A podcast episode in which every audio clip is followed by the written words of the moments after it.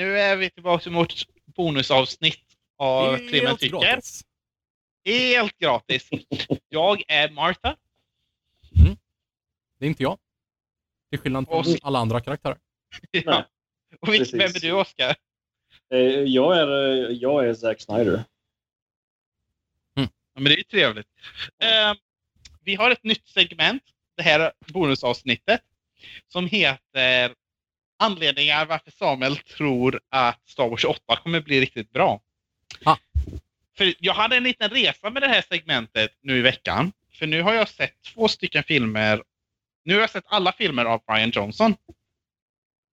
Jag började med att se Brick, som är en noirfilm som utspelar sig på ett gymnasium. Som eh, var rätt så tråkig och intetsägande. Mm. Det finns folk som gillar den, men jag var med. Ja. Sen såg jag uh, The Brothers Bloom, som börjar bra, men blir bedrövlig. Alldeles bedrövlig. Fast den har bra inslag, inklusive att Adrian Brody spelar sin karaktär väl. Eh, men att det, det blir en alldeles för konvoluterad handling och alldeles för mycket Manic Pixie Dream Girl och ja, jag gillar inte Mark Ruffalo. Uh, massa saker. Men sen så tänkte så då var jag deppig för Star Wars 28s framtid. Men så tänkte jag Looper är en av de bästa sci-fi filmerna som någonsin har gjorts. Så då kände jag mig optimistisk för Star Wars 8s framtid. Mm. Så- Det är skönt att man alltid har det att falla tillbaka på. Han blir bättre ju längre han kommer i, sin, i sitt filmskapande. Mm, jag får hoppas det. Eh, så att eh, det är veckans segment av varför Samuel tror att Star Wars 8 blir bra. Fortsättning följer i nästa avsnitt av Samuel funderar över Star Wars. Ja. Eh, nu ska vi prata om Batman vs Superman. Eh, Ja. Behö- behöver vi göra en reflektion på de tidigare Bat- Vi kan väl ta kort vad vi tycker Mm, om... en eh, snabbis. Ja, Om jag ska sammanfatta så av de fil- Batman-filmer som kom ut innan eh, Nolan så har jag bara sett den vi såg. Den eh, Tim Burton Batman. Den tyckte jag var alldeles bedrövlig. Jag tycker om Nolan-filmerna för att jag tycker inte om dem lika mycket som andra. Jag tycker nog mest om den första och den tredje. Mm. Eh, jag, det är som, ja, den andra är en väldigt bra film, fast det är mest Heath Ledger som spelar Jokern bra. Det jag tycker är problemet med den är för det första att det inte är så mycket annat än Jokern är bra i den. Men också att jag tycker att Jokern känns lite som ett tomt hot. liksom. Det finns inget bakom honom, han är bara ondska. Eh, Mm. jag, jag tycker att han är lite ihålig liksom, som en metaforisk hot. Bane däremot tycker jag väldigt mycket om. Fast den, Dark Knight Rises inte är en sämre film. Så älskar jag Bane, jag älskar Bane som karaktär, jag älskar hur han låter, jag älskar hur han ser ut, jag älskar hur han slåss. Jag älskar allt han säger, men det jag framför allt älskar är att det som, det som han representerar är ju franska revolutionen. Mm. Och det som rädslan för social oro. Ja. Och jag tror att det, det, det, den tar verkligen och får det som nedbrytandet av den sociala ordningen som sker i revolutioner att vara hotfull. Mm. Ehm, och det tycker jag, Det, det är väldigt synd att inte den filmen är bättre i övrigt. Mm. för jag Den tycker att hade kunnat det, varit storslagen. hade de, hade de klippt helt tagit bort Marion Cotillard ur den så hade det nog varit bättre. Mm, för hela jag grejen att- verkligen med om. För att det är som, åh, jag är egentligen Bane. Det tycker jag är bedrövligt. Eh, sen, ja, de enda Supermannen-filmerna typ filmen för mig. det- de enda Supermannen-filmer jag har sett var den som kom ut för ett årtionde sedan. Som Mm. jag inte minns så mycket om, men jag tyckte om när jag såg den. Men jag var 11 då också. Superman Returns alltså. Och jag tycker väldigt mycket om Man of Steel. Och jag, det finns många haters på den, men jag tycker att den är fantastisk och den spelar med laddade tärningar och i sitt användande av kristen symbolik. Det finns en tyngd till de stora scenerna där. Um, och jag älskar just hur människor beter sig kring Superman. Hur de beter sig som om han vore en gud. Liksom. Uh, och, ja, jag gillar den mycket mer än alla andra superhjältefilmer. Mm. Eh, jag har nog sett mer olika material. Jag har bland annat sett uh, animerade Batman som eh, format mycket av det som kommit efter. Även sett delar utav den gamla serien med Adam West. Eh, jag har sett eh, serien Lois and Clark Eh, som fokuserar egentligen mer på Clark Kent än Stålmannen. Och eh, jag tror att jag sett första Superman, eh, de här med, är det Christopher Reeve han heter? Ja. Mm, Jag, tror, jag, jag, jag tror jag har sett delar av den. Det Ja. lämnade inte starkt intryck på mig. Nej, det, det är bara första jag sett i så fall och det var jättelänge sedan. Så. Den är knappt en del av medvetandet här. Men Mm. Superman Returns var väldigt... Eh, den- har liksom helt försvunnit i mitt medvetande. Minns knappt alls. Det enda jag minns är när han uppe vid, är det typ Nordpolen, där han är i en sån här kristallslott och möter sin pappa. Det är en Just. här ganska dålig scen som är den där jag minns. Som kändes mest seg och lite allmänt långt. Så gillar Mm. inte Superman Returns. Man borde kanske se om den för att se om det finns någonting där, men inte högt prioriterat. Uh, Adam West-serien med Batman. Jättedålig, väldigt löjlig. Kanske kul då, men den har inget av värde. Uh, animerade däremot har ofta ganska dåligt manus, men den har byggt mycket av det ikoniska kring Batman. Mycket som man tänker liksom hör till grundmaterialet kommer egentligen från den animerade serien. Så Saker som... eh, Harley Quinn-karaktären kommer från animerade serien. Hon fanns inte i tidningen utan kom från den serien. Eh, lite relationen med Alfred och Batman och eh, också liksom, jag tror det är flera skurkar också. Jag har inte koll på allt. Jag, vet, jag undrar om Mr. Freeze kommer därifrån också. Men, eh, Denna ikoniska skurk. Ja, nej men... eh, framförallt med Arnold Schwarzenegger spelar honom. Nej men, eh, Finns- men eh, det, det Finns inte en version där... Nej, just det. Det är ju Penguin som spelas av Danny DeVito, är det väl? Mm. Ja. Glad att jag inte sett det. Nej men alltså jag har svårt att säga vad, för jag har inte läst så mycket av tidningarna, just DCs grejer. Men jag vet att den har jättestort inflytande och att eh, te- temalåten från eh, Keaton-filmerna kommer också från animerade. Eller liksom, ja, den har format väldigt mycket av det som kommer efter i alla fall. Och eh, gillar det. Eh, gillar Dark Knight-serien. Eh, håller egentligen alla tre filmerna på ganska jämn nivå. Gillar alla tre. Tycker att Dark Knight är bäst, men ungefär av samma anledning som du Samuel. Och jag tycker att den har flera problem som kommer i vägen för att folk anser det vara den, den smarta superhjältefilmen. Ja, det, den är smart liksom- är det inte. Nej, den, den, liksom, den försöker göra mer saker än Marvel har gjort. Den har lite andra teman. Men den gör inte det särskilt kompetent eller intelligent. Så precis Nej. som eh, The Avengers så är det vad det är. Och jag tycker om vad det är. Mm. Och Mm. eh, Man of Steel tyckte jag mycket om. Den har vi haft här på bloggen, podcasten. Så inte så jättemycket att säga mer där. Jag tycker den är bra. Jag tycker den gjorde en intressant twist på Stålmannen och byggde upp för fler intressanta grejer att komma efter. Så, utan att spoila om själva filmen som vi sett nu så tror jag det är där jag slutar. Min bakgrund. Mm. Ja, jag har alltid gillat Batman egentligen. Jag tyckte om de här filmerna då som vi pratade om. Jag tycker inte om dem längre uppenbarligen, men eh, jag tyckte om dem jättemycket när jag var liten och så spelade Batman-spelen på Super Nintendo och eh, jag har även spelat eh, spelen nu som har kommit senaste åren och sett de här Justice League-filmerna. Ah. Eh, alltså de animerade. Och Ja. helt okej liksom för det mesta. De tar sig inte själva på så stort allvar utan det är mer, titta här är det Batman och Superman och, precis. och liksom Green Lantern och man, man har rätt så kul med materialet känns det som. Och, mm, så här, en Det- timme och 20 lagom minuter lång. Liksom. Där. Ja, serien också, det är som ju- jag.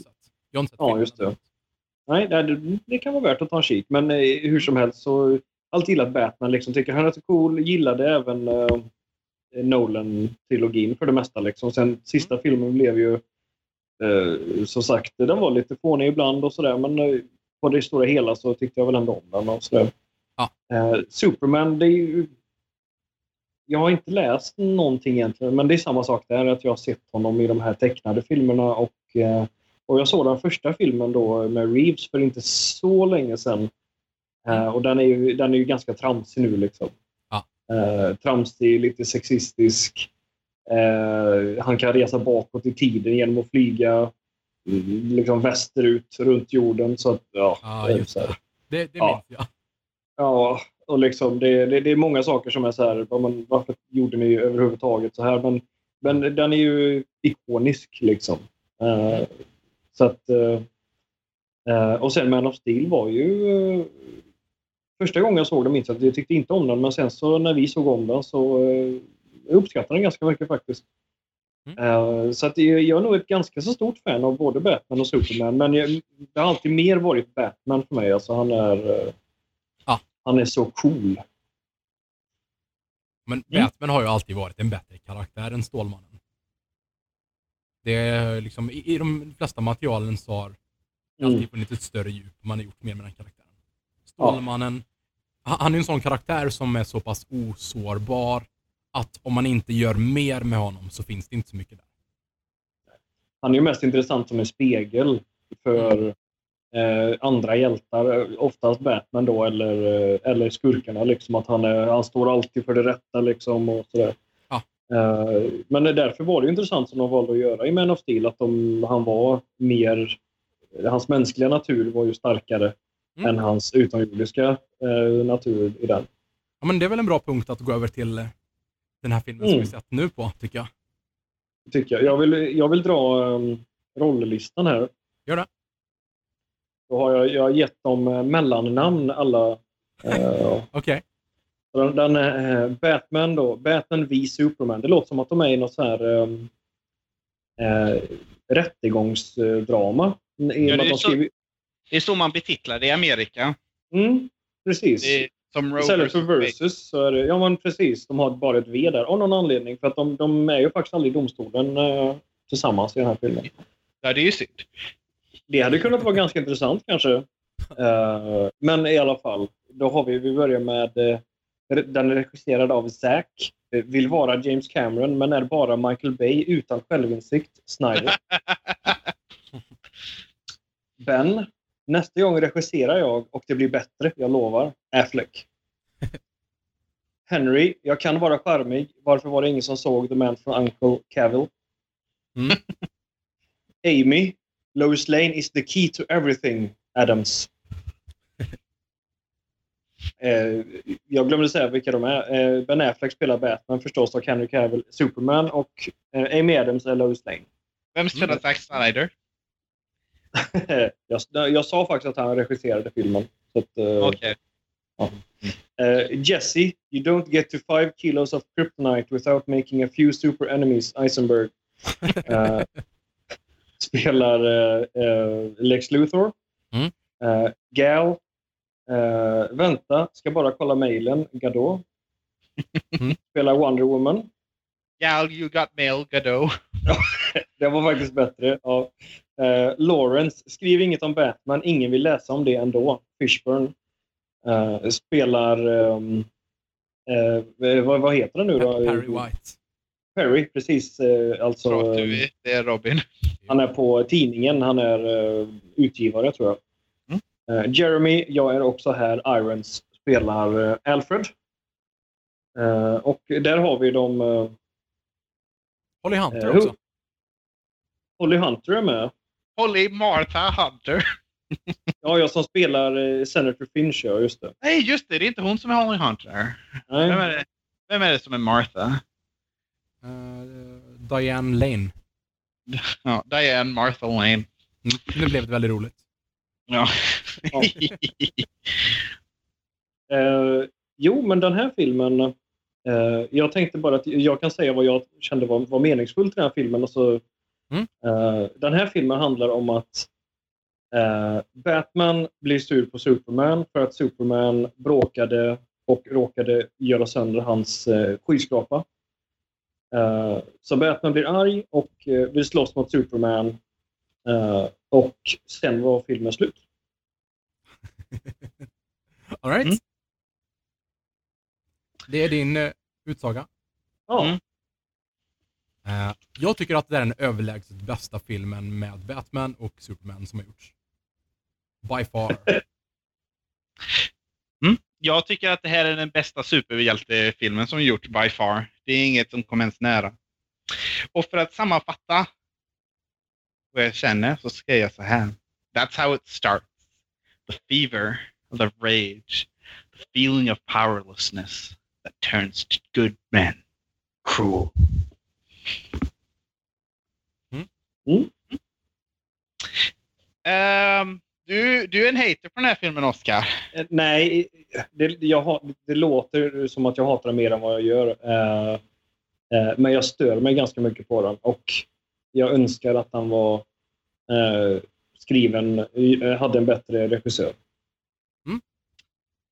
Eh, jag kan inte tänka mig någon annan regissör som skulle göra en kunna göra en bättre superhjältefilm. med, eh, med tanke på att Zack Snyder har gjort de två bästa. eh, det, här, det, det finns väldigt mycket att säga om den här filmen. Det är väldigt många som tycker om den här filmen. Ja, den har fått väldigt Eh. mycket hat. Det, det är bara hatet regnar ner, liksom, ehm, ja, liksom regn. Alltså jag tror aldrig jag har faktiskt försvarat en film så mycket. Ja. Ja, du har gått ut på forum och försvarat. Ja. Eh, inte på forum, men i Facebookgrupp eh, för film, filmtittare. Flickchartersgruppen specifikt. Mm. Långa försvarstal och förklarat saker för folk som inte begriper den här filmen. Jag har missat, det får jag läsa igenom sen. Ja, men, eh, om man bortser från alla mina Samuels Avengers-diskussioner så är det här nog den filmen som jag har försvarat mest. Ja. Och eh, e- egentligen mer än Avengers skulle jag säga, för att det är faktiskt mer ett försvar än bara att vi gnabbas lite liksom. Men Robin, du, men Robin, du sa att det här var den bästa filmen med Batman och Superman i. Alltså med, med den bästa filmen, den bästa Superman-filmen och den bästa Batman-filmen. Inte kombinationen av dem. Nej, okej, för jag menar, det är den första filmen också. Ja, precis. Ja, ja, ja då är jag med. Mm. Eh, det, det, är svår, det är En sak som kan sägas om den här filmen är att den filmen väldigt mycket i. Mm. Och jag erkänner dess brister. Jag erkänner att den är rörig. Jag erkänner att det är alldeles för mycket som är ihoptryckt på vad är det, 2.20. Jag ser, väldigt, Ja, ja, jag ser väldigt mycket fram emot tre timmars versionen. Jag hoppas att de kan göra saker med Ja. den extra tiden. Eh, scenen där de skulle få med de andra medlemmarna av Justice League är helt absurd. Mm. Vissa scener så är ljussättningen riktigt dålig. Men annars så älskar jag nog allt med den här filmen. Mm. Jag... För att ta det så här. Vart fi filmen... Det, filmens start, den, dess absoluta start är inte det, men den börj, det, det första som händer på riktigt är ju att vi ser eh, Bruce Wayne åka in till Gotham under slutet på Man of Steel. Mm. Och han känner, och eh, det ger känslan av att han är en förfär, förfärligt liten man. Som det som springer fram där två gudar slåss. Ja. Och jag tycker att hela den här filmen handlar egentligen om hanterandet av den idén.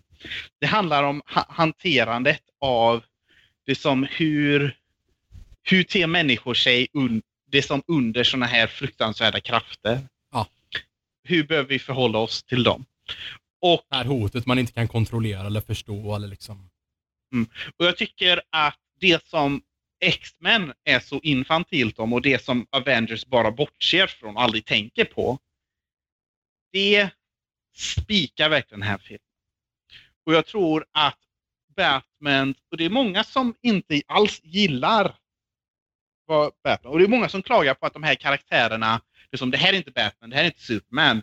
Och till det säger jag nej, det här är bättre karaktärer. Ja, Zack Snyder har tagit och utvecklat bägge av de här karaktärerna och gjort saker med dem. Liksom. jag, jag och jag tror, att vi tar klagomål efter klagomål och berättar varför det inte är så. Det här är ett bra ställe att börja på med folk som säger att det här är inte riktiga Stålmannen, det här är inte riktiga Batman. Mm. Det håller jag inte med om. Det, det, det är sånt, det, det bryr jag mig inte om. För att, visst, folk har ju klagat på Batman, han dödar folk i den här filmen. Ja, Mm. men det känns som att han är ju så här... När filmen börjar så är han ju, eller när han kommer igång liksom, så är han ju, han är ju den Batman som inte bryr sig längre. Liksom. Eh, Han vill nå de resultaten han behöver till vilket mål Eller till vilket pris som helst. Eh, och det hade inte jag något problem med riktigt. Eh. Det, det, det, det är väldigt mycket av Dark Knight Returns Batman. Mm. Och jag tycker det är så roligt när pistoler gör en karaktär bättre. Det är Mm. inte så vanligt. För det här känns Men som en det- karaktär som plötsligt får ett mycket större djup i att han faktiskt är den här cyniska, kalla, kalkylerande Batman som han bara sägs vara i mycket av det andra materialet. Ja. Det är liksom en jag- Batman som säger att eh, ha- han offrar sin egen mänsklighet och möjligheten att kunna se sig själv som god.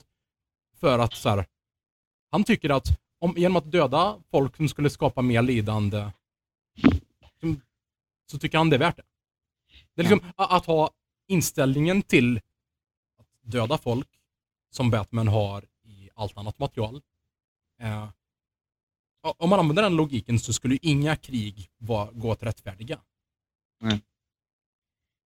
Inga Hallå? krig överhuvudtaget.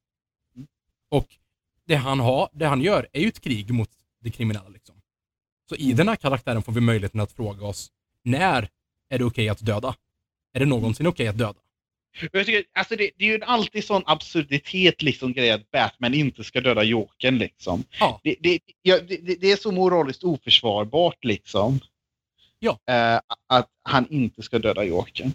Eh, och, och, och, och det är ju liksom därför att Jokern ska komma tillbaka och han ska slåss mot honom gång på gång på gång. Ja, men, ja, men det är precis Eh. det som det kommer ifrån på tidningarna.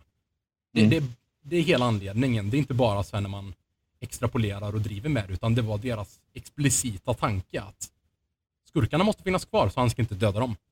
Det var inte Nej. en tanke av att nu ska vi ha en... Liksom, det, det kommer inte från en moralisk position från början. Även om det är det som blivit statusen senare. Ja. Just, Sen, sen så tar han väl inte och dödar Lex där på slutet, men... Nej, Eh. han liksom bara, oh, alla ska dö. Utan det är att Mm. när han anfaller där så både liksom för att de skjuter på honom så skjuter han tillbaka. Och Mm. det, det gör ju också att han funkar bättre i att han faktiskt lever. En karaktär som Batman som bara, oh, han hoppar runt och blir aldrig skjuten. Det känns ju mycket mindre, det, det går inte att tro på på samma sätt som en Batman som kommer här i en stridsvagn och liksom grabbar tag i folk, använder deras vapen för att neutralisera folk runt omkring.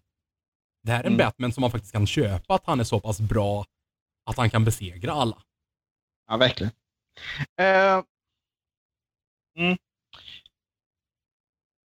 Men jag tycker, ja, ja precis. Eh, jag tycker egentligen vi ska återvända till vad vi tycker om med filmen mer än att bemöta kritiken. Fast ja, jag tycker det är ett lätt sätt att ta Ja. punkt efter punkt. Ja, vet inte. Ja, Okej då. För om, Ja, ja. om vi tar Stålman, för det, det är liksom det att prata om vad vi tycker om i filmen. Inte alltså, Ja. nej, det här är fel. Ja, vi, vi, vi, Nej, och jag tycker att fo- folk som det, det, det jag gillar med Stålmannen är att Stålmannen är, han är liksom ett problem här liksom. Mm. För jag tror att så, så Batmans rädsla för Supermannen är full, som det, det känns rättfärdigt liksom. Han har rätt, Supermannen skulle kunna förgöra mänskligheten. Mm. Eh, och han är så långt borta och det som någonting skulle kunna, det som alltså, han skulle kunna bli arg på oss. Liksom. Och det jag gillar är att Supermannen kommer väldigt nära ondska här. Han står väldigt nära att falla när Lex Luthor sätter upp sin fälla där och står uppe på tornet.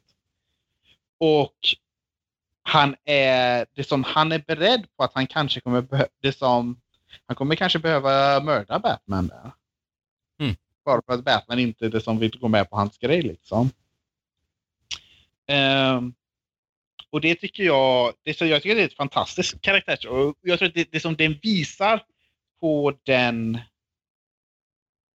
Ja, det, det, det som det visar är att även eh, goda människor kan falla och även goda människor kan göra onda saker. Och att, ja, det är, jag, jag tycker att, det, att filmen ger ett fantastiskt uttryck åt det. Och det resonerade med mig så djupt och jag blev så glad för det.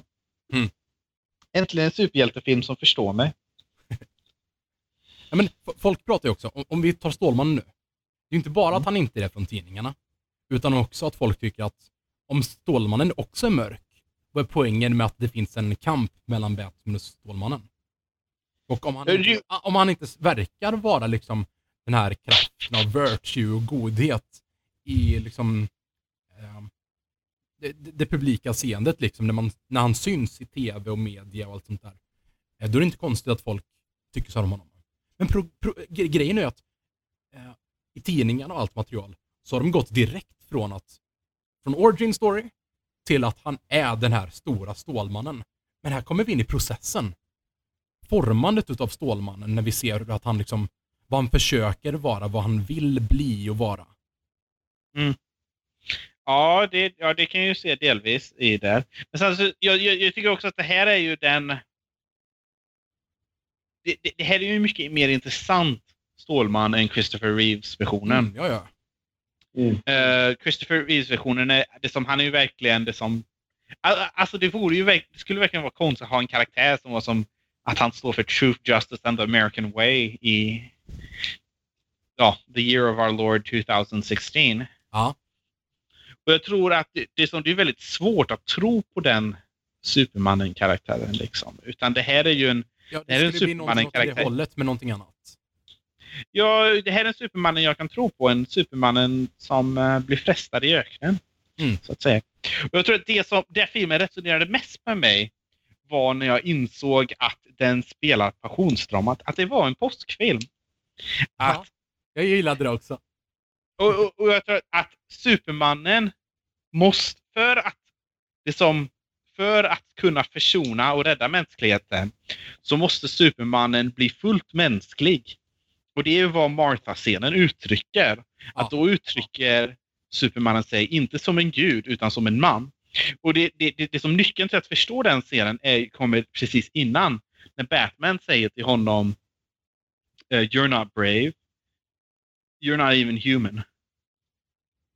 Och jag tror att det är som att Superman får känna sig mänsklig där och får se framför sig att det är som oj, min mor som jag älskar dör kanske nu. Jag måste be om hjälp. Jag måste sänka mig liksom. Mm. Och sen efter han gör det så kan han dö för att rädda världen och uppstå på den tredje dagen. efter att han har blivit fullt gud och fullt människa. Och det tyckte jag jättemycket om. Nej men grejen där är att många klagar på att det... Här, det, det handlar ju inte om att åh, våra mammor har samma namn och det ändrar Batmans perspektiv på det hela. Ja, det är inte grejen där. Nej, Eller, det, alltså, det, som, det, får ju honom att stanna det upp. Liksom skapa Ja, förvirringen och så här. Vänta nu. eh, är det en människa här framför mig? Liksom att så här, där får han, får börja tänka och liksom så här. Det, skapas att han måste begrunda den här situationen liksom. Han försöker reda ut vad är det, vad är det som händer här egentligen? Och när han har liksom tänkt där att eh, hela grejen är att du är inte en gud, du är inte en människa. Men i den här stunden så märker han att Stålmannen är båda två. Jag, jag, eller jag skulle säga alltså... super, stå, Batman ser ju Superman som en gud, men han ser honom som en mörk gud. Och en mörk gud som bör dödas. Ja, al- alltså inte som gud, liksom med du är ingen gud så menar jag liksom den här goda goden. Utan han är ju en gudalik varelse. Men det, det är Mm. bara definition hårklyveri. Ja, men han finner dem vara både och i alla fall. Och det är på grund av det som man kan betrakta honom som värdig. Mm. Alltså på grund av den här mänskligheten som man ser honom. Han hittar någonting som man kan relatera till och som han kan döda. Det är liksom den här kraften som han kan tro på, men en kraft som han vet att han kan stoppa. Som där Batman contingency plans liksom. Mm. Och det är jätteviktigt. Men sen är det också det, jag, jag känner att det är viktigt att han inte liksom... Att när Lex har frestat honom, gett honom lite det här ultimatumet, så är det... Djävulen i han- öknen. Ja, men det blir ju inte att han direkt går och nu ska jag döda Batman, men så blir han besegrad och då vänder sig ner. Han liksom, hans tanke är ju från början att han ska försöka få honom med sig. Mm. Och jag gillade också hur han... Jag såg någon som klagade på att Superman inte försöker prata med honom. Och liksom att han inte bara flyger över och försöker resonera. Men grejen är att han tror ju inte att Batman kan göra någonting alls. Nej. Så varför inte komma ner till han ansikte mot ansikte liksom. Och sen efter det så får han aldrig möjligheten att stanna upp och försöka prata med honom. Så jag Mm. känner att hans grundläge är inte det oh nu ska jag komma med min makt där, utan han vill faktiskt prata med honom. Men han tror att han är odödlig. Mm. Och det, det är är det en viktig distinktion där. Och jag, Det, och det jag, tror jag är en del av att Batman faktiskt kan ändras i eh, sitt perspektiv där också. För han vet att varför, liksom, den här guden anföll mig inte. Utan, och jag, ja. och jag, jag gillar verkligen vad... Jag gillar verkligen den striden och jag gillar verkligen att Batman Mm. vinner. Liksom. ja, det är jätteviktigt. Ehm, och jag, det som jag gillar dräkten, jag gillar alla de liksom, knep han har. Det som, de känns verkligen inte sådana där har läst manuset-grejer. Mm. Eh, inte ens Lex Luthor känns som att han har läst manuset. Liksom.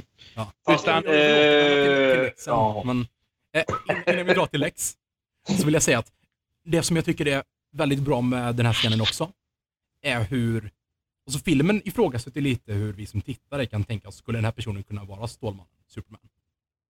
Skulle han kunna formas till det som är det här mer rena, liksom, den här rena godheten som är mer av vad han varit tidigare?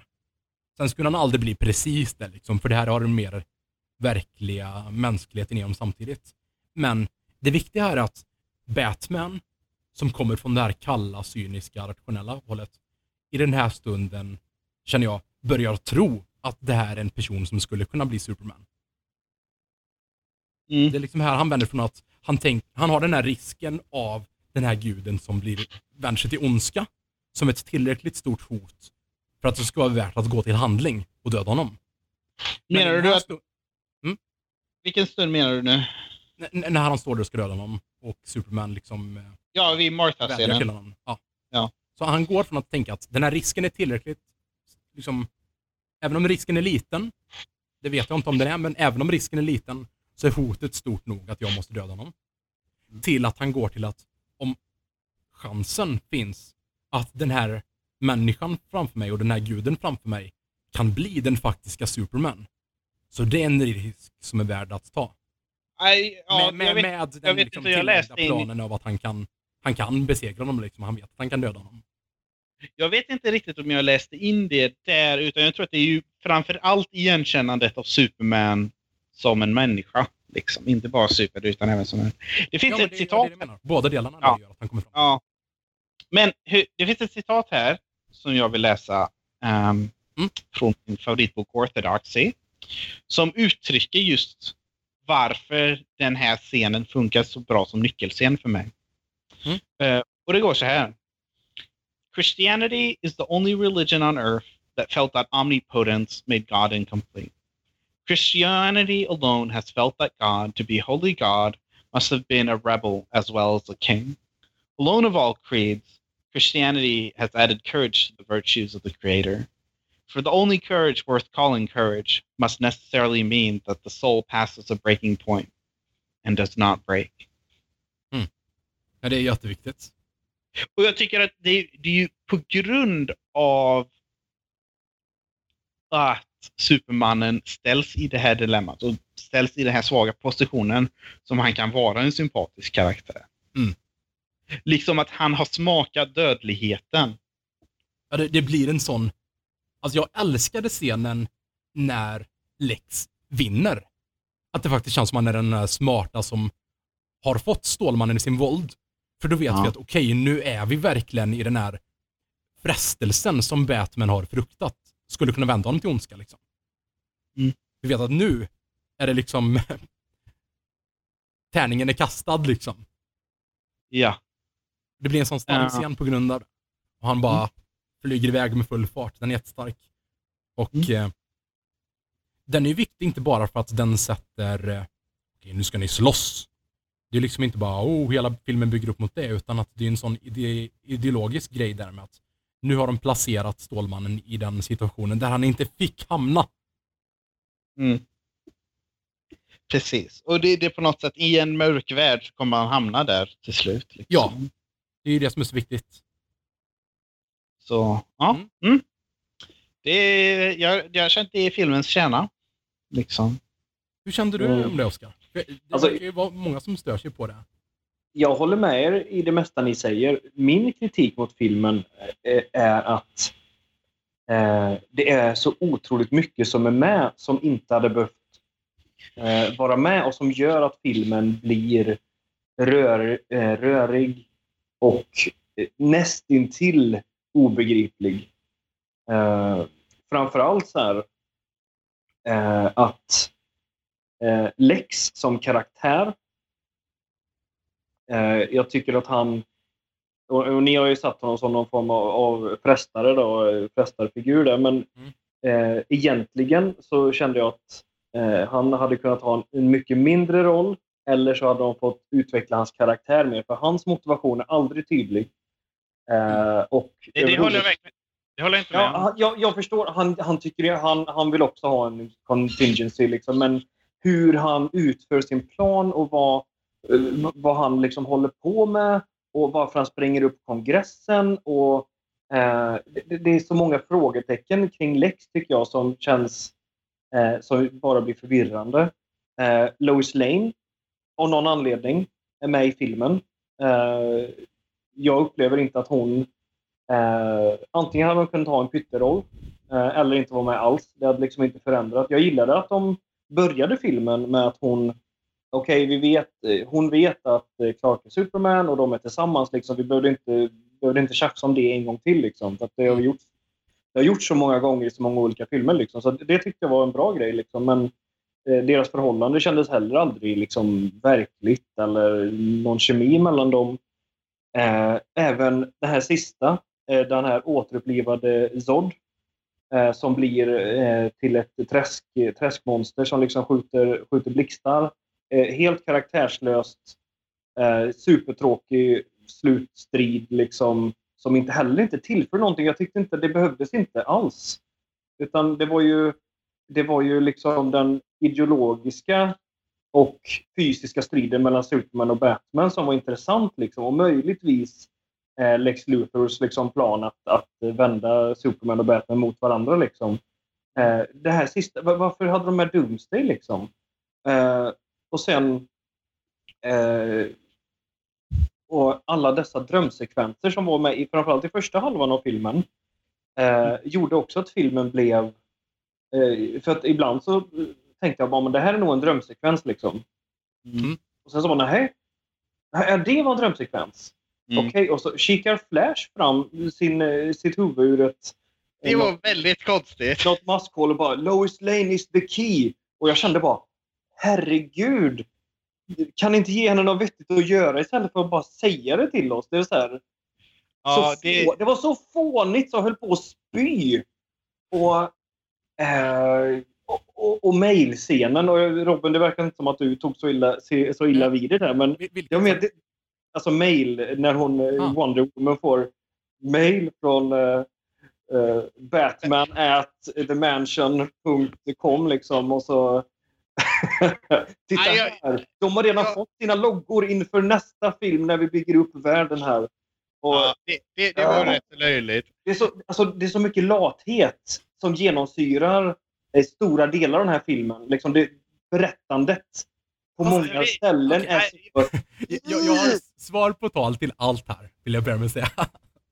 Mm. Men om vi börjar med att jag tycker att Lex har för mycket tid i filmen. Nej, det tycker inte jag. Saker. Eh, jag tycker att eh, Nightmare-scenerna, som tydligen kommer från tidningarna, men det har jag inte koll på. Mm. Alltså, Nightmare med K i början. Precis. Det är lite för mycket av dem också.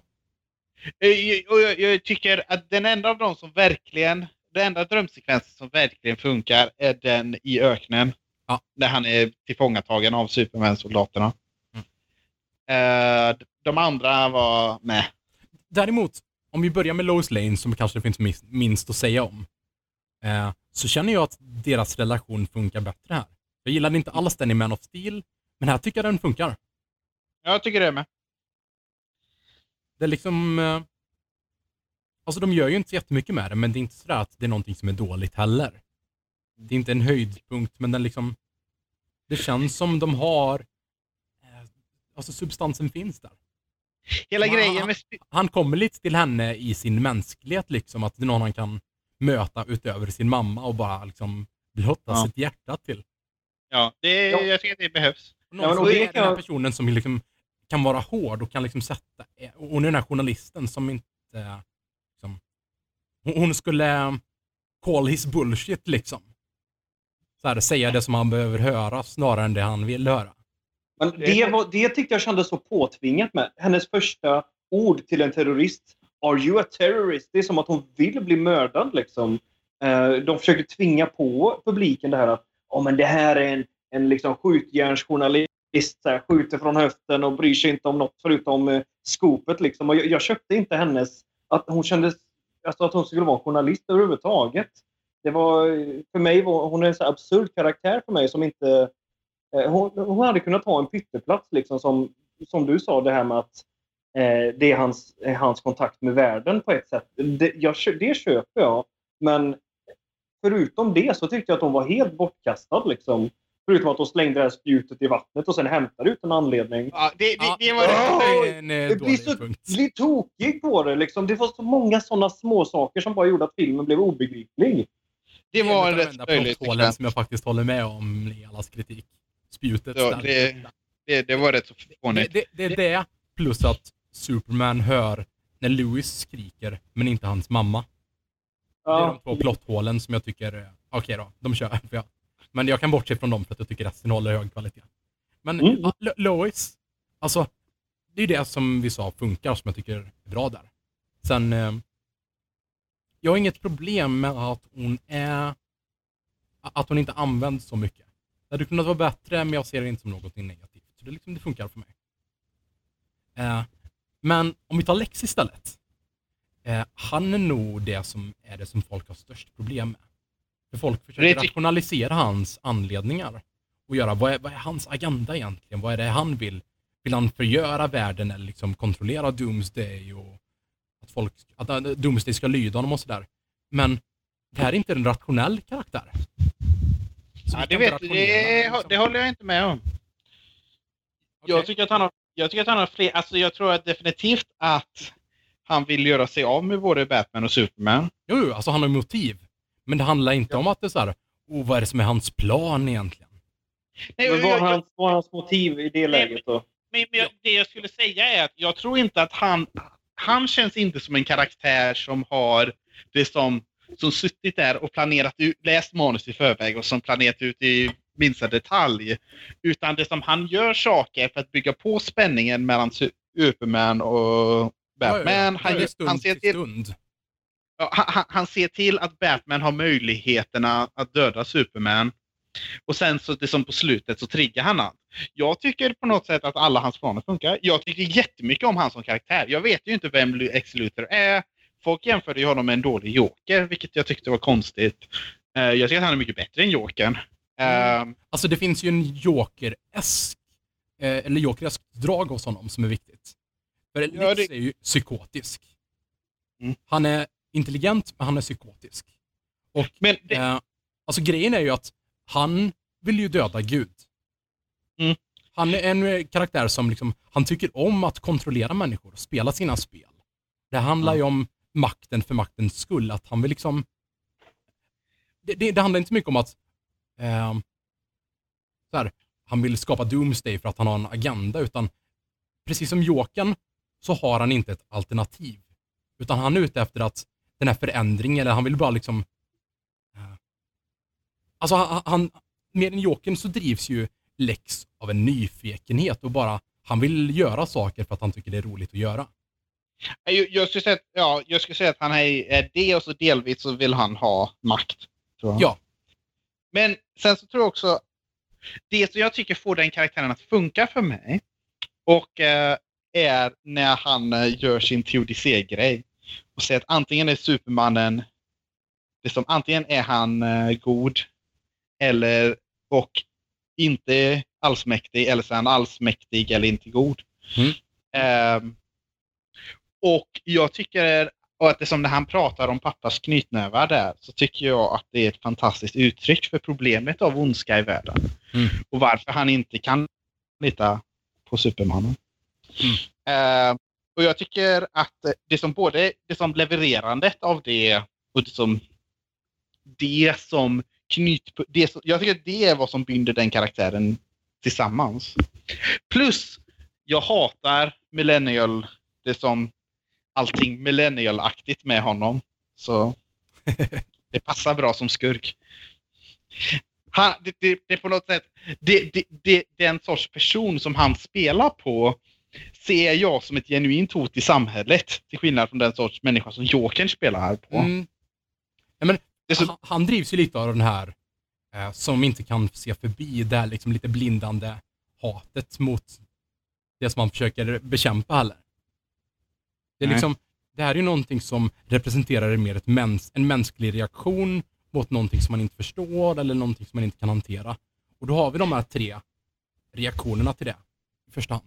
Vi har Finch som representerar lite, okej man ska försöka resonera sig fram. Och liksom Finch? Man ska, ja, alltså senatorn, Aha, ja. kvinnan. Sen står Lex för mer det här liksom bara, eh, som när man förlorar liksom, siktet på allt annat utöver att det här måste stoppas och dra det till sitt mörkaste ställe. Liksom. Det är det som är Lex. Och så har vi Batman som är mer det kalla, kalkylerande, cyniska. Där har vi tre liksom, perspektiv på Superman. Mm. Och alltså jag känner ju att Lex eh, skulle liksom kunna förgöra världen för att göra en poäng. Han är den sortens karaktär. Han Han har inget problem med att... Eh, det, det är det som gör att han och Finch har ju gemensamma perspektiv från början. Men hon inser att han är villig att besegra döda Superman liksom, till vilket pris som helst. Även om det innebär att världen förgörs. Mm. Och då är inte tanken att han tänker att oh, jag bryr mig inte så mycket om världen. Utan det är att han drivs verkligen bara av de här centrala, det här är det jag måste göra, liksom. jag vill döda. Han har liksom principer och ideologi utan något som liksom det grundas till. Han Nej, är bara, precis. okej, eh, den här makten, liksom power can't be innocent. Han drivs bara utav de här så, sådana sorts lines och vill bara, han vill bara döda Stålman. Så är det. Men... Så, eh, det är det jag menar med att alltså, han har motiv, men det går inte att rationalisera med att vad är hans plan? Varför gör han så här? Han är liksom en psykotiskt traumatiserad karaktär som bara ser det här stora eh, liksom, maktauktoriteten som man inte kan köpa. Han Mm. tycker om att vara gud själv. Han vill spela gud.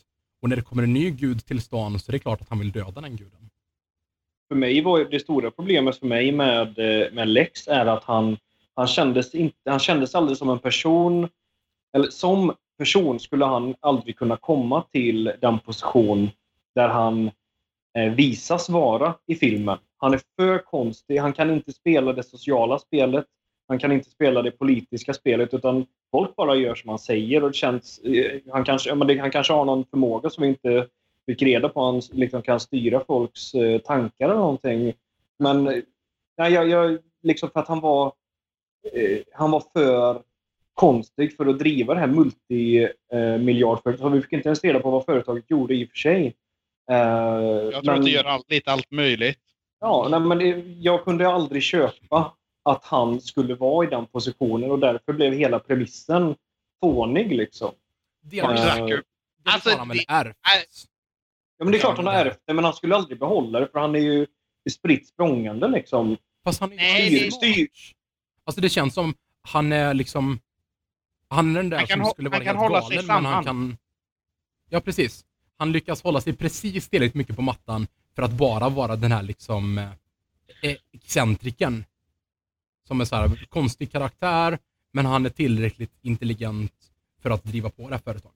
Jag ser verkligen Jag tror att- honom som att han vet vad han sysslar med, liksom rent i så här, hur han skulle driva företaget och få hans status att fungera. Men sen kommer vi ju in bakom kulisserna och ser hans galenskap. Om den var liksom tydlig på samma sätt som den blir för Fincher, när hon kommer in bakom kulisserna, så är det klart att han inte skulle fungera. Men han lyckas ju dölja liksom den personen för resten av världen. Ja, nej, jag håller inte med om det. Och framförallt på festen, liksom, när han håller sitt, sitt tal. Han står och Ja, men- mumlar i fem minuter. Liksom. Ja, men det, det, som han är excentrisk. Alltså Mark Ja. Zuckerberg är ju chef för ett av de största företagen i Ja, världen. men han, är inte, han har skärpt till sig. Liksom. Han är ju inte sån längre.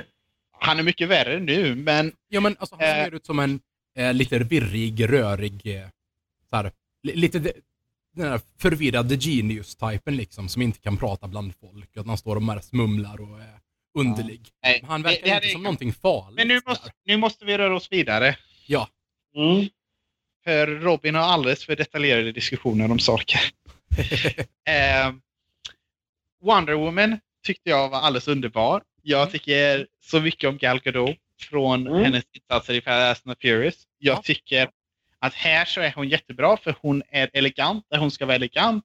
Och så är hon på något sätt energisk när hon ska vara energisk. Och hon har en Och, bra eh, kemi med Batman tycker jag, alltså Bruce. Ja, det har hon verkligen. att Hon kan plocka ner honom några pinnhål liksom. Och det, Ja, det kan det får hans karaktär att bli bättre också.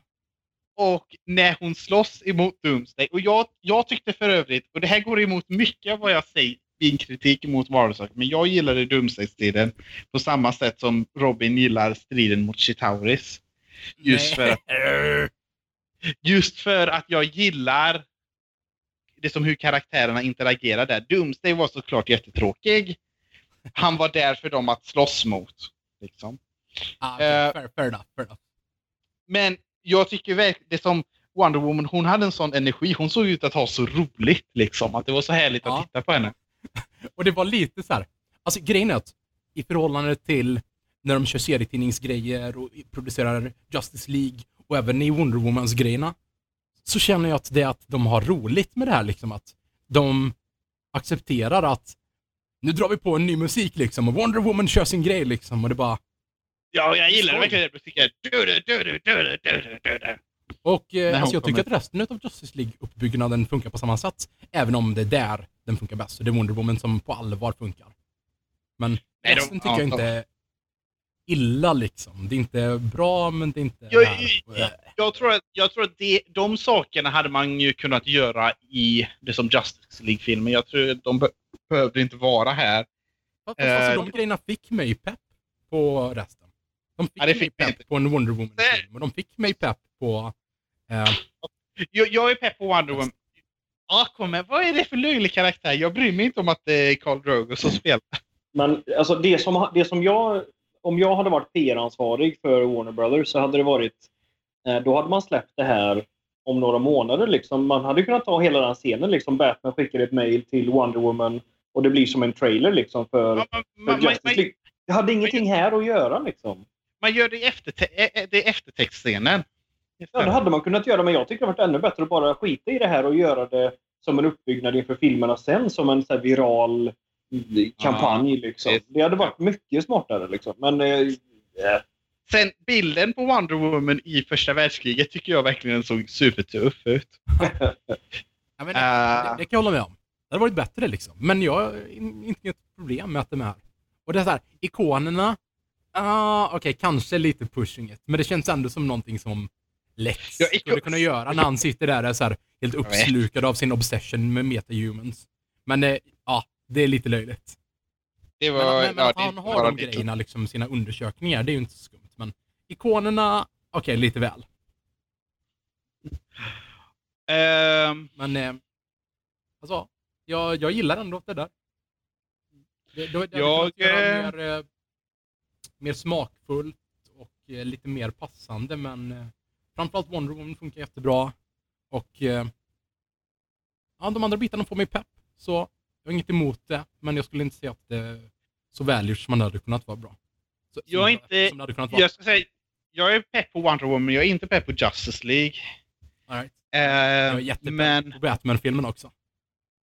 ja, de ska väl, ja, jag vet inte, ja, jag är inte pepp på det heller. All Det, right. så jag, jag får se när det kommer liksom. Jag, jag är inte...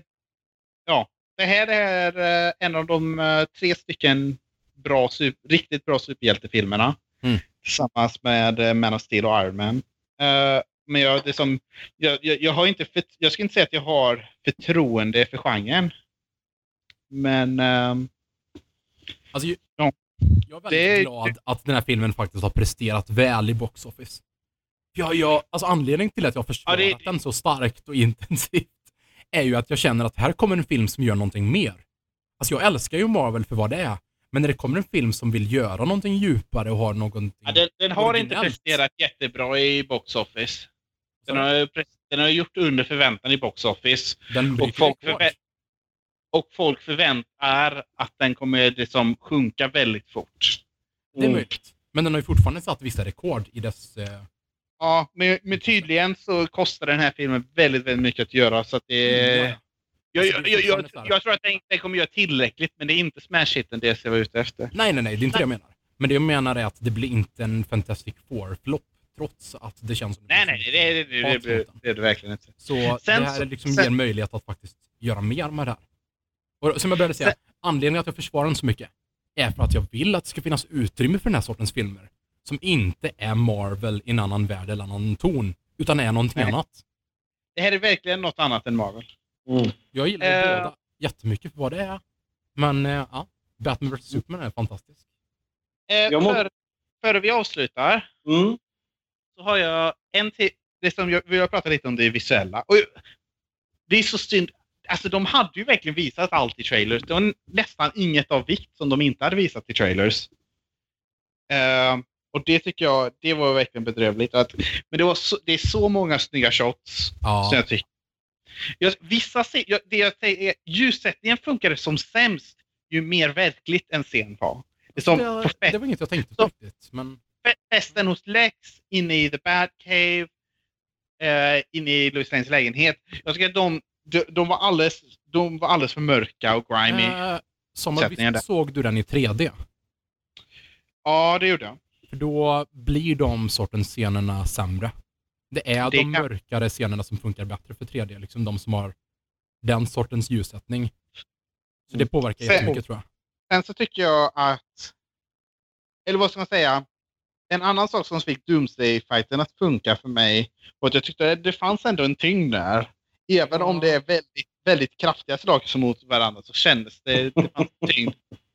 Som Men- jag tycker, Alltså, grejen är ju att den används ju som ett verktyg för att definiera karaktärerna och lite deras roller mellan varandra.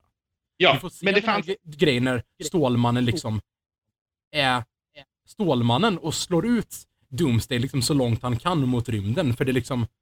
Eh, det, det, är en- sån typisk Stålmannen-grej att göra. Istället för att bara pumla honom liksom. Oh, vi är två stora starka så blir det en intressant grej med den karaktären. Och Ja. han offrar sig när de skjuter den här raketen. och det Så känns liksom, som det att skapas tyngd där. Och det skapas Mm. karaktär där.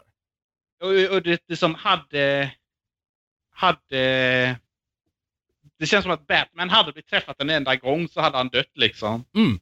Men det är det som funkar så bra också, att deras stridsdynamik där får honom att klara sig. Så att, ja. Nej, jag tycker det funkar. Jag tycker att eh, ja, det är en bra film. Oscar, sluttankar? Jag, har, jag, jag har en fråga också. Eh, okej. Låg Gotham och Metropolis så här, två kilometer från varandra? Ja. Det måste de ha gjort. Det är lite skumt, men det liksom... De såg liksom vätlampan från Metropolis. Ja, men det är bara en sån här grej att det här är inte som i tidningarna. Det är inget mer Nej, nej, jag känner inte det. Jag känner bara att det är två så stora städer. För att i allmänhet är i alla fall, de är ju liksom metropoler båda två brukar de ju vara. Mm. Eh, som ligger så nära varandra. Då skulle de ju ha vuxit ihop för länge sedan. Alltså, det, det var också en sån sak. Jag bara, men hur kan de se den därifrån? Det, det är så här, ytterligare den här latheten eh, som löser igenom, tyckte jag. Men eh, hur som helst. Um... Mm, okej. Mm. Nej, men uh, sure. Alltså jag tänker att de har säkert byggt ut liksom tills de kom till varsin sida av vägen och då är de för... Alltså det här utspelar sig i... Alltså jag, tänker att till skillnad från våra sorters städer så är det här i en värld där det är mer isolerat. Och de här är väldigt specifika och distinkta i vilka sorts...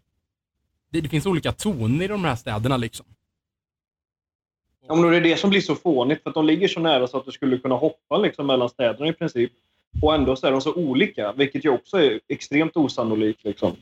Eh, alltså, det, var, det, är en sån, det är en liten detalj, men för mig blir det bara att men varför gjorde ni på det här sättet? Det tar ju bort trovärdigheten. Jag tror, Nej, för, jag mig så, Det, finns en poäng där, men jag tror för mig så, det som funkar i den här filmen är tonen och subtexten. Och de problem som finns blir slätade ut av tonen och så texten för mig. Liksom att de, de knasiga saker med klippning och de det som uh, plot holes som finns och sånt. Det är inget problem för mig. Det som jag bara... Ja, Så- men det är som man då- accepterar liksom i alla superhjältefilmer. Ja, och jag tror att eh, till skillnad från Robin så har jag inte ansträngt mig lika mycket åt att rationalisera saker i detalj. Liksom. Men jag tror liksom att helheten funkar för mig. Mm. Och då, Den det- filmen de- har ju absolut svagheter som jag också håller med om. Mm. Eh, så- ja, och, det som visst, det är konstigt att städerna jämte varandra, men jag tänkte aldrig på det liksom. De behövde vara där för handlingen, så de var det. alltså, Det var så mycket som var för handlingen upplevde jag, men det är som sagt. Vi, vi har, jag känner att jag har pratat nog om det. Min slutsats är att eh, min favorit Martha är den i The Americans. Mm. Eh, men jag i alla fall, jag- ska vi ge betyg? Ja, Ja. Jag ger den här filmen decent. För, eh, jag känner, trots min, min kanske hätska ton ibland så, så är det vissa saker som jag ändå tycker om ganska mycket. Och framförallt striden mellan Batman och Mm. Superman som var, som var härlig och sådär. ja, men Eh, och vissa andra saker också som jag gillade ganska mycket. Men det är ju en... så- är det ju ofta med ganska många som hatar på filmen just nu. Att det är så här, "Ah, vi väntar oss så mycket mer. Men det finns Mm. fortfarande saker som alla gillar i stort sett. Men vi får se lite sen, för att om det kommer då en sån här extended, då kanske de här mina, mina de här sakerna som jag fastnade på, som gjorde att jag Ja. inte kunde uppskatta den här filmen, kanske slätas ut. Det får vi se liksom. Men, Mm. men ett, eh, som det är nu så är det decent i alla fall. Det är ett eh, solklart great för mig. Och eh, topp 10. Det, det är en topp 10-film för dig Robin? Ja. Okej, ja, ju- det är great. Det är great för mig också, fast det är inte en topp 10-film. Är det inte. Det är, men det är ju det bästa superhjältegenren har än uppnått. Ja. Jag, jag skulle gärna vilja veta hur högt den faller alltså. Hos dig. Jag rankade den och den blev 49. Det är som, Den är mellan The Matrix och Schindler's List för mig. All right. Så då vet ni ungefär hur bra den här filmen är. Det är, en- det är en rätt så rolig trio där med filmer alltså. Mm. Det, det passar, det, det är bra paus. Det- Schindler's List är ju en bra paus mellan de andra två. Mm. Behöver man, om man behöver få lite tonmässig variation. Men eh, alltså det, det förstår den skillnaden. Men jag är ja, glad att vi, att vi har en eh, superhjältefilm som Samuel gillar. Ja. För vi älskar ju samma delar hos den. Ja, jag tror det-. Plus att jag har en jättestor förkärlek för både vissa karaktärer och eh, liksom superhjältegenren. Sen, Så. sen så undrar jag, hur, hur rankar du den här bland Marvel-film, eller bland superhjältefilmer överlag? Uh, alltså den är i topp 5. Men eh, vi ska se. Jag sätter ju Iron Man 1 och 3 över. Mm. Som är mina favoriter. Eh, jag tror att det är på tredje eller fjärde plats som den hamnar efter Winter Soldier. Nej, nej den ligger väl senare. Vänta. Okej, den är på fjärde plats. Iron Man 3, Iron Man 1 och eh, Days of Future Past håller jag högre. Okej. Ja, det är Den, eh, bedrifter att göra superhjälte, tre superhjältefilmer som är bättre än det här. Mm. Men den, eh, den är, det är helt enkelt två Marvel-filmer som ligger före Marvel Cinematic Universe. För X-Men hör ju inte dit. Eh, men då får, mellan vi, Iron Man och Guardians of the Galaxy. då får vi helt enkelt varva ner den här podden och Yes. säga adjö för oss tills nästa gång då vi ska se det sociala nätverket Med Lex Luthor i huvudrollen. med Lex Luthor i huvudrollen. Ja. Och eh, tyvärr alldeles för lite David Fincher. Mm. Mm. Vi hörs då. Det gör vi. Eh. Puss och kram.